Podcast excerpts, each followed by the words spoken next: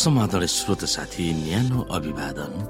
म उही तपाईँहरूको आफ्नै मित्र धनलाल राईको। श्रोत साथी आज म तपाईँको बीचमा बाइबल सन्देश लिएर आएको छु। आजको बाइबल सन्देशको शीर्षक रहेको छ परमेश्वरको भय मान्ने र उहाँको आदेशलाई पालना गर्नु।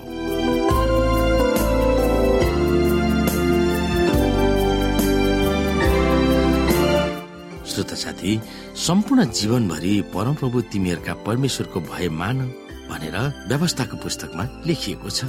तिमीहरू र तिमीहरूका छोराछोरी र नाति नातिनाले उहाँका सबै विधि र आज्ञाहरू पालना गर्नु कि तिमीहरूको आयु लामो होस्। ए इसरायली हो यी सबै पालना गर ताकि तिमीहरूको भलो होस्। र परमप्रभु तिमीहरूका पिता पुर्खाका परमेश्वरले तिमीहरूलाई प्रतिज्ञा गर्नु भए झै दूत र मह बहने देशमा तिमीहरूको खुब वृद्धि होस्। व्यवस्था छ अध्यायको दुईदेखि तीन। तपाईँका हातले मलाई बनाए र मलाई आकार दिए तपाईँका आज्ञाहरू बुझ्ने समशक्ति मलाई दिनुहोस्। तपाईँको भय मान्नेहरू मलाई देखेर खुसी हुन् किनभने म तपाईँको वचनमा भर पर्दछु भनेर बाइबलमा लेखिएको छ। र अब हामी फेरि उपदेशकको पुस्तकलाई हेरौँ र अब सबै कुरा सुनिएका छन्। कुराको निष्कर्ष चाहिँ यही हो परमेश्वरको भय राख र उहाँका आज्ञाहरू पालना गर किनभने मानिसले गर्नुपर्ने सारा कर्तव्य यही नै हो। किनकि हामीले गरेको अनेक काम असल होस् वा खराब होस् प्रत्येक गुप्त कुरा समेत सबैको न्याय परमेश्वरले गर्नुहुनेछ भनेर बाइबलमा भनिएको छ। परमेश्वरको भय मान्नुसँग उहाँका आज्ञाहरू पालन गर्नु मिसिएको छ।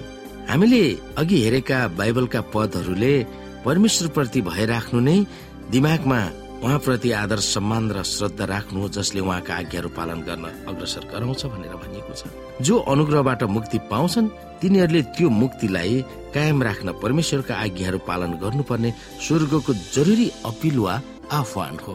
अनुग्रह पायो भन्दैमा परमेश्वरका नीतिहरूलाई व्यवस्था गर्दै हाम्रो जीवनलाई लाथलिङ्ग वा भताभुङ्ग पार्न स्वतन्त्रता हामीलाई मिल्दैन। दश आज्ञाहरूले ल्याउने दोषबाट हामीलाई अनुग्रहले स्वतन्त्र बनाउँछ तर यसलाई पालना गर्नुपर्ने जिम्मेवारीबाट हामीलाई पन्छाउँदैन।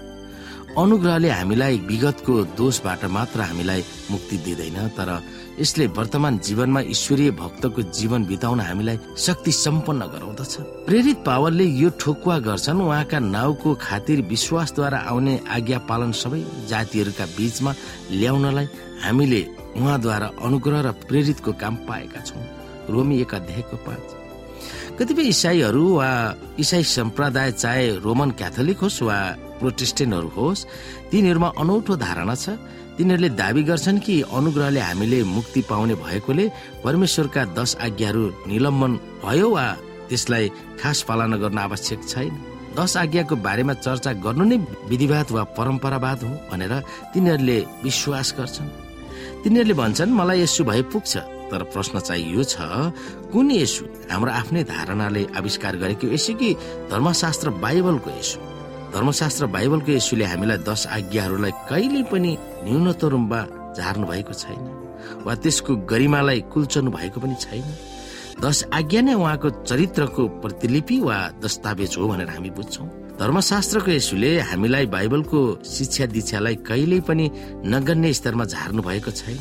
बाइबलले नै हामीलाई परमेश्वरको बारेमा स्पष्ट रूपमा प्रकट गर्दछ। र यस संसारमा उहाँको योजना के छ भनेर देखाउँदछ।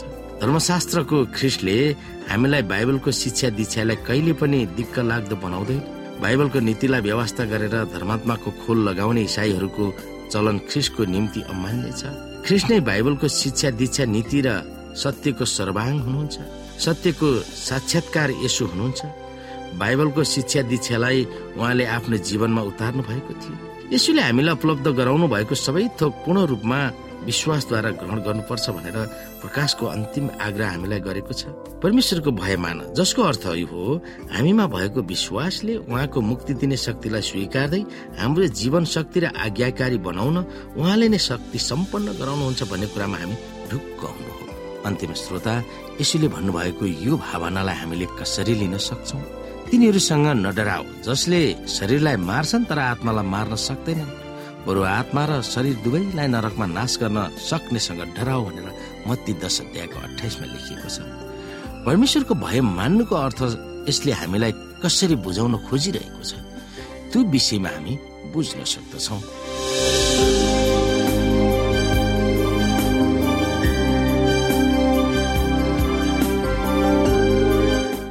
श्रोत साथी आजको लागि बाइबल सन्देश यति नै।